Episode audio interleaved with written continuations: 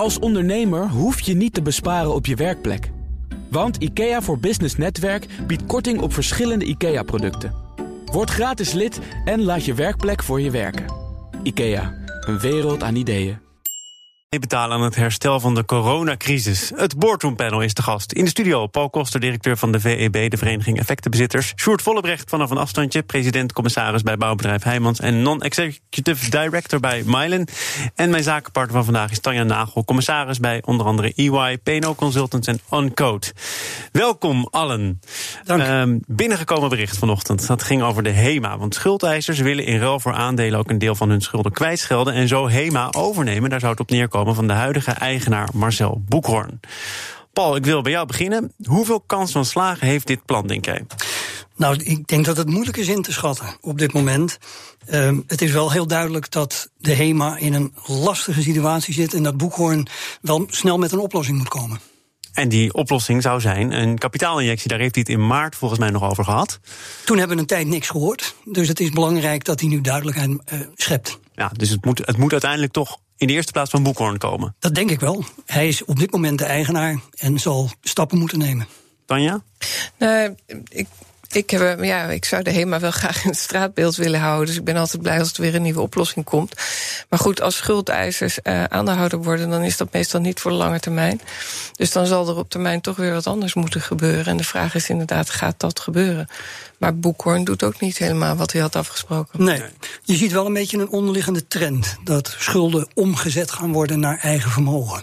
Ja, die, die, die schuldeisers, wat Tanja trouwens terecht zegt, die hebben ook al aangegeven. Wij, uh, wij zetten dat dan om in aandelen, maar we willen daar ook zo snel mogelijk van af. Want zoveel toekomst zien wij niet in een retailer die het heel zwaar heeft. Ja. Dus dat is dan wel voor de heel korte termijn. Dan moet er daarna weer iets anders komen. Ja, en ik begrijp zo'n opmerking ook niet. Je investeert en dan ga je niet van tevoren zeggen: ik wil er weer snel uit, want het is zo'n slechte investering. Nee, maar ja, het is natuurlijk. Ja, ik weet, ik weet niet of dat, het, uh, ja, of dat helemaal is. Um, eigenlijk had er al een stuk schuldsanering plaats moeten vinden toen Boekhoorn het uh, overnam. Dat is niet gebeurd, dus je, hebt daar de basis gelegd. En nu heb je een schuldeiser die waarschijnlijk. Goedkoop schuld heeft opgekocht en daardoor in een hele andere positie zit dan de andere partijen. Het is heel moeilijk. Ja, iedereen hier aan tafel en ook degene niet aan de tafel zegt dus het is heel moeilijk. Sjoerd, wat zie jij dan voor toekomst nog voor je?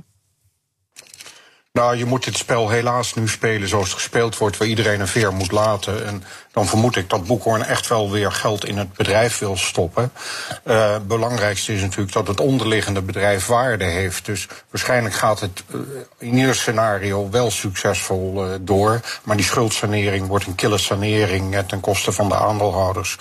Uh, dan wel dat men een, uh, een goede schikking vindt. Ja, en, Ook op het laatste. Ja, en, en uh, dus het is heel duidelijk dat Boekhoorn nu aan zet is. Die heeft dus in maart al gezegd: ik wil met een kapitaalinjectie komen. Als dan de schuldeisers ook een beetje water bij de wijn doen.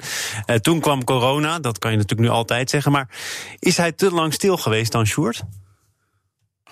Ja, het probleem was vanaf dag één daar. En eigenlijk had hij al een stuk voor de overname moeten regelen. Dat heeft hij niet gedaan. En daarmee dit risico genomen met zo hoge schuld die beursgenoteerd is. Maar het is ja, een, een situatie. Daar nu de klap van.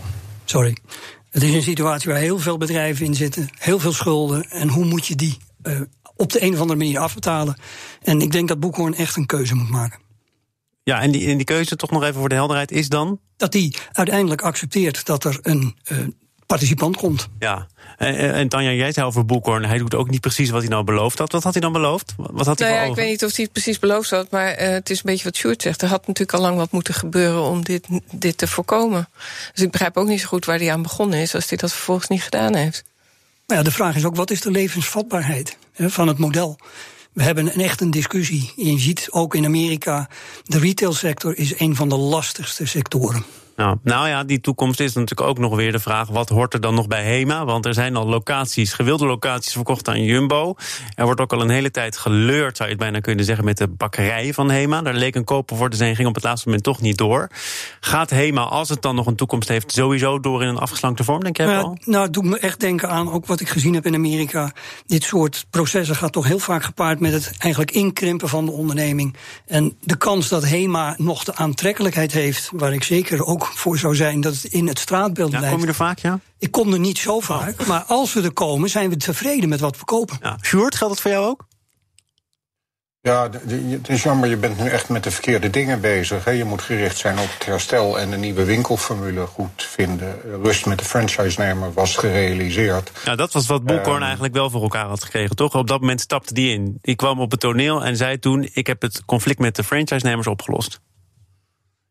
Ja, dit, dit had kunnen werken uh, met iets meer tijd. Maar een, een, grote schok zoals nu gebeurd is, dat, uh, dat kan je niet opvallen. Dat is, dat is wel het risico dat hij heeft genomen als investeerder.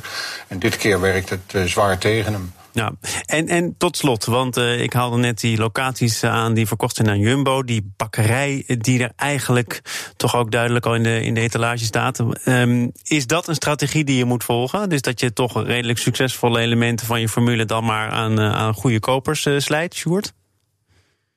Ja, ik denk dat het verstandig is. Je moet kijken, is de kern uiteindelijk levensvatbaar?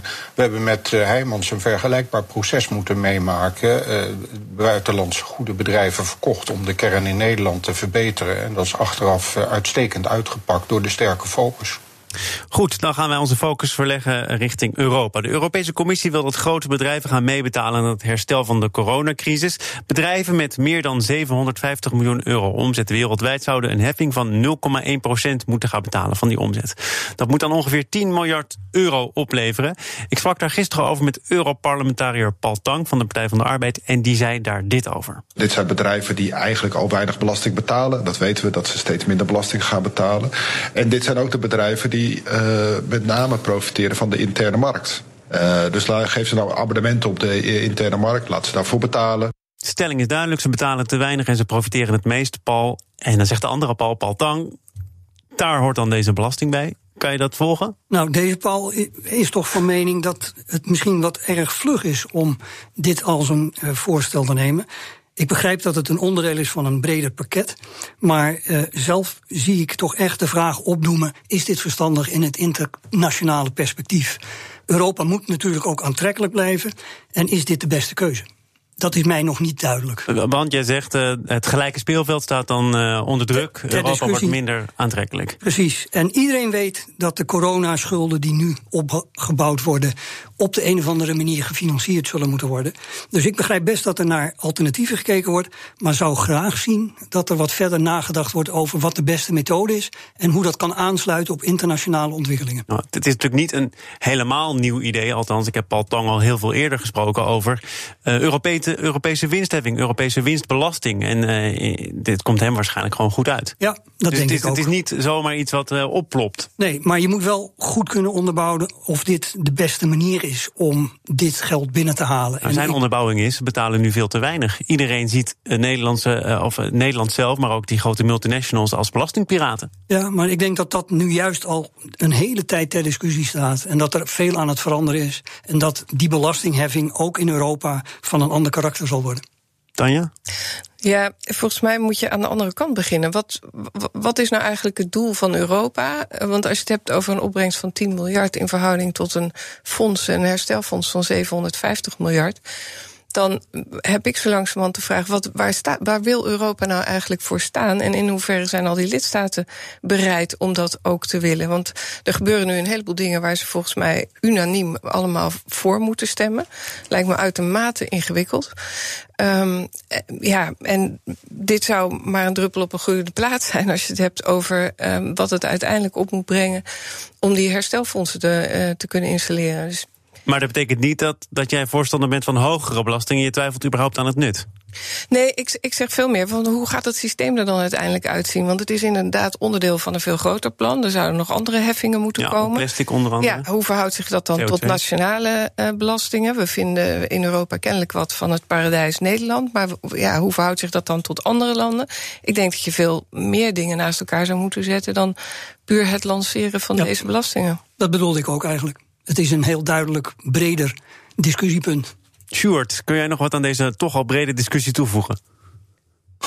nou, het doet me denken aan het kwartje van Kok. Er is een duidelijk politieke agenda dat men eigen middelen wil genereren om die zelf te besteden. Men heeft na de echte crisis van corona ook al het milieu, wat echt wel veranderd en wat gedaan moet worden als crisis bestempeld. En probeert nu die twee dingen te bundelen om te zeggen, en nu drukken we door dat er op zich wel terecht een belasting komt op die platformbedrijven die wereldwijd actief zijn. Uh, maar de achterliggende agenda uh, wekt bij mij veel wantrouwen. Dus je vindt het een gelegenheidsargument. Het stond al op de agenda en het wordt er nu, omdat de gelegenheid zich voordoet, makkelijk doorheen gedrukt. Hoewel makkelijk, het is inderdaad terecht wat Tanja zegt. Al die nationale parlementen moeten er ook nog uh, over gaan praten, natuurlijk. Ja, de lidstaten zelf. Ja, nou, een nucleaire bom aan geld moet erin. Dat is uh, eerst overlevingsgeld en dan een stuk investeringsgeld. Daar wil je ook het milieu mee pakken. Maar je hoort ook Timmermans allerlei dingen koppelen nu. De crisis van het milieu maakt dat nood de wet bijna breekt. We moeten dat geld hebben en hebben een home run waarmee we alles oplossen wat we aan problemen hebben. En dat vind ik veel te snel gaan, zoals Paul ook aangeeft. Wat mij echt opvalt is, um, er wordt zo weinig gesproken over de positieve elementen van Europa. En ik vraag mij echt af, uh, we hebben zoveel discussie over, dacht ik, uh, de jeugd en wat die allemaal voor lasten krijgen in de toekomst. Ik denk dat het belang van Europa ook voor de jeugd uh, veel meer benadrukt zou moeten worden. Wat gaan wij betekenen in al die discussies waar eigenlijk niks werkt, of blijkt te werken voor de meesten in de perceptie? Uh, ze willen te veel, ze doen het allemaal op een manier die niet echt past.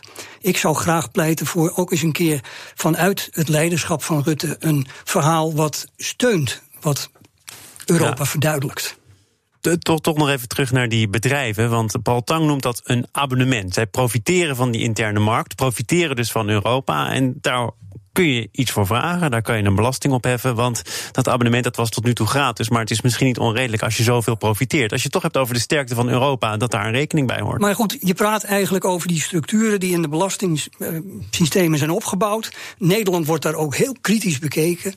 Daar wordt nu wat aan gedaan. En elk land wat um, deze ondernemingen in, um, op het, op haar, in haar land heeft, zal feiten belasting moeten heffen. Dus dit is een discussie die veel breder gaat. En daarmee vind ik dat het heel makkelijk is om te zeggen: ze betalen niks en ze profiteren er alleen maar van. Dat is weer zo'n typisch negatieve uh, verhouding, waarbij je eigenlijk zegt: er speelt veel meer. Oké, voordat we echt heel erg negatief eindigen, gaan we naar een ander onderwerp. En ik stel jullie ook nog even voor aan de luisteraar. Zaken doen. Nou, na een jingle, Paul Koster, directeur van de VEB, Sjoerd Vollebrecht, president-commissaris bij bouwbedrijf Heijmans en non-executive director bij Mylen. En mijn zakenpartner van vandaag, Tanja Nagel, commissaris bij EY, PNO Consultants en Uncode. En ik denk, ik koop ook even tijd, want ik wil het met jullie hebben over Tata, maar ik weet niet eens waar ik moet beginnen eigenlijk. Want Europa, Nederland, India, het rommelt in ieder geval. En dat kwam vooral tot uiting na het uh, vertrek al dan niet gedwongen, van de topman Theo Henrar van Tata Steel Nederland. Dat zorgt voor onrust bij het personeel, stakingen. Het is één groot politiek spel. Hele open vraag, misschien met een heel lang antwoord. Maar Sjoerd, hoe heeft dat zo kunnen escaleren? Ja, je, uh, misschien even de vergelijking naar vroeger. British Steel draaide slecht door de kracht van de vakbonden. Moest er geld gehaald worden bij Tata Steel. Uh, in, wat nu Tata Steel is in IJmuiden. Dat is verkeerd. Dus de vak, vakbonden onder drie druk werden geacteerd. Nu lijkt het omgekeerd gedaan te zijn met baangaranties. iets wat ik nooit zou hebben gedaan. Waardoor men Tata moederhuis klem zet dat ze de stroomleiding die moet plaatsvinden voor commodity staal ergens anders plaatsvindt. Ja, dat spel moet je niet spelen. Er is een echt probleem. Uh, in die staalwereld. Dat is Europees en wereldwijd een industrie, niet meer een lokale industrie, ondanks de kracht van uh, IJmuiden. En, en daarin moet je een, toch een gebalanceerde oplossing zoeken en niet je eigenaar klem zetten. En dat lijkt gebeurd. Ja, want, want dat is wel even belangrijk dat je dat zegt. Het draait ook om een reorganisatie. Volgens het Europese deel van Tata en het, uh, het Indiaanse deel, de eigenaar, is dat nodig. Stroomlijnen, meer efficiëntie, minder bureaucratie. Maar er is dus een, een pact, een werkgelegenheidspact, dat het eigenlijk tegenhoudt, toch? Daar lijkt het wel op. En het is een duivels dilemma. Hè. Je moet niet zomaar je ruif laten uh, leeg eten. Maar het is een fijne balans. En toen Tata verkocht wordt, net, werd, net zoals KLM, weet je dat dit soort elementen er zijn. Je kunt er een rem op zetten, maar op de lange termijn moet je het toch aanpassen. Um, en dat lijkt hier uiteindelijk ook nodig. Heel moeizaam, moeilijk dilemma ook voor de Raad van Commissarissen daar. Paul? Nou, ik denk dat Sjoerd het heel goed beschrijft. Dit is echt een probleem wat zich niet zomaar oplost. En wat mij opvalt, um, ook in het licht van wat er gebeurde bij KLM. Het lijkt net alsof Nederland uh, de cultuur van uh, India bijvoorbeeld niet voldoende in ogenschouw neemt. wordt er voldoende gesproken met India, op, met de eigenaar in India over deze problemen? Hoe zijn die contacten? Het lijkt erop alsof er in een isolement een soort werkgelegenheidsgarantie is gegeven.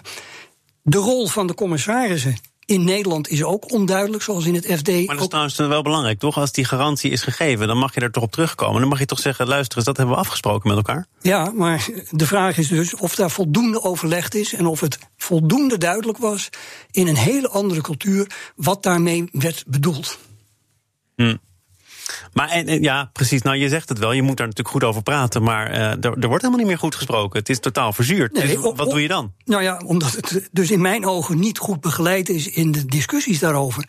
Het is een pijnlijk probleem, wat Sjoerd ook aangeeft.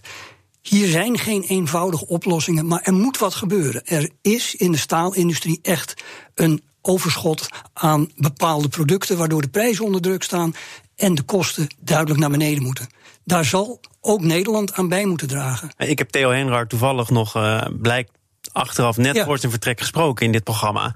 En die heeft daar gezegd wat ze allemaal maken in IJmuiden. Dat is fantastisch, dat kent wereldwijd zijn gelijke niet. Dus hij vindt, en dat vinden ze volgens mij wel eh, in grote getalen daar... wij maken iets wat heel bijzonder is en wij gaan niet bloeden... voor wat er in Groot-Brittannië misgaat. Ja, maar zo werkt het dus niet. Kijk, ik ben best tevreden dat gelukkig dat men positief is... en, en enthousiast over zijn eigen producten. Maar je hebt gewoon in een conglomeraat een discussie die over verschillende um, landen wordt gesproken, uh, gespreid. Dus dat betekent dat er echt een andere vorm van discussie moet plaatsvinden. Tanja? Ja, ik, ik vind dat altijd heel ingewikkeld, want je leest dingen in de krant en je weet natuurlijk nooit helemaal zeker. Want Paul, je zegt terecht, ja, als, als er niet goed gesproken is met India, waar heb je het dan over? In de krant lees je, ja, Tata India is een en al politiek. Ja, wat betekent dat? Ik weet het niet. Ik vind het ook bijzonder dat nu Hans van den Berg is benoemd tot voorzitter. En dat daar kennelijk de aandeelhouder in India verder helemaal niet over gaat. Nee, en of die waarnemend is of niet, hè? Dat zijn nee, dan ook gaat, maar daar gaan ze ook niet over. want dat bepalen we kennelijk hier in, in de, bepaalde directie zelf. Bijzonder. Ja, nou dat is precies Tanja wat je zegt. Dat toont volgens mij dat er niet uh, begrepen wordt dat je met die Indiaanse eigenaar op een andere manier moet gaan praten dan dat tot nu toe is gebeurd. Mm. Maar we moeten, denk ik ook, ik, ik ken de Indiaanse cultuur niet, anders dan van een keer een reis. Maar ik denk wel dat de verschillen heel groot zijn. Nou, ik ben zelf dan er heel veel geweest. En uh, de cultuur is echt zo anders. Men denkt langs hele andere lijnen. En het is denk ik op dit punt belangrijk, ook voor Tata Steel, in Nederland dat er een goede basis wordt gevonden om verder te praten. Nou, laat ik uh, dan afsluiten met een uh, hypothetische vraag. Sjoerd Vollebrecht is de volgende baas van Tata Steel Nederland. Wat doet hij? Ja. nou, is het eerst een oplossing uh, zoeken samen met Tata als geheel voor optimalisatie van het geheel. En daarbinnen zeker stellen dat Nederland in zijn kracht door kan gaan. Ook als dat iets kleiner is, want uiteindelijk heb je dan een heel gezonde basis om dat weer uit te bouwen.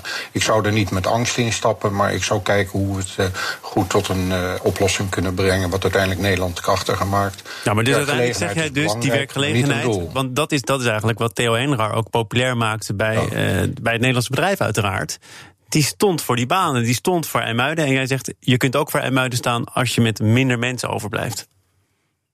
Ja, in, in uh, mijn eerdere leven bij Stork hebben we continu uh, zaken uh, verkleind. Ook in Nederland, andere dingen in Nederland uitgebouwd, fabrieken neergezet. Met medewerking van ook vakbonden en de mensen binnen het bedrijf. Want dat houdt je vitaal en sterk. Dogmatisch zaken klem zetten met garantie van banen. heb ik altijd gezegd, moet je nooit doen. Want dat haalt die, die gezonde dynamiek weg. Dan gaan we naar een eh, andere dynamiek. Een giftige dynamiek zou je bijna kunnen zeggen. Want Bayer heeft een mondelinge overeenkomst bereikt met naar schatting 125.000 gedupeerden in de Roundup-zaken. Dat het dat. Uh, middel tegen onkruid onder andere. Het gaat Bayer zo'n 10 miljard dollar kosten om een einde te maken aan de rechtszaken. Paul, ik eh, begin even bij jou, want jij hebt het volgens mij ooit de slechtste overname ooit genoemd. Uh, Bayer Monsanto, dat huwelijk eigenlijk. Uh, dan is dit een volgend hoofdstuk, namelijk een mogelijke schikking met 125.000 gedupeerden. 10 miljard dollar. Uh, en dan komt Bayer eigenlijk, als het zou lukken, nog goed weg, toch? Ja, nou dat laatste weet ik niet. Monsanto had um, een hele lange geschiedenis in Amerika. Het heeft mij echt vanaf dag één verbaasd dat deze discussie uiteindelijk um, zover is gekomen. waar uiteindelijk nu een voor 125.000 gevallen een schikking moet worden getroffen. Hoe is het mogelijk dat Bayer, dat een hele goede naam had, een hele stabiele um, portefeuille waar Marijn Dekkers ook een belangrijke rol heeft gespeeld. Naar verluid zou hij ook niet voor die overname zijn geweest. En ik ben bang dat dit in het um, repertoire van grote overnames er één is geweest. waar de strategisch directeur in de aanloop naar zijn plek als CEO. een geweldige invloed heeft gehad op de keuze die is gemaakt. 69 miljard is ervoor betaald. En nu mag je dan zien dat er nog eens een keer 10 miljard bij komt.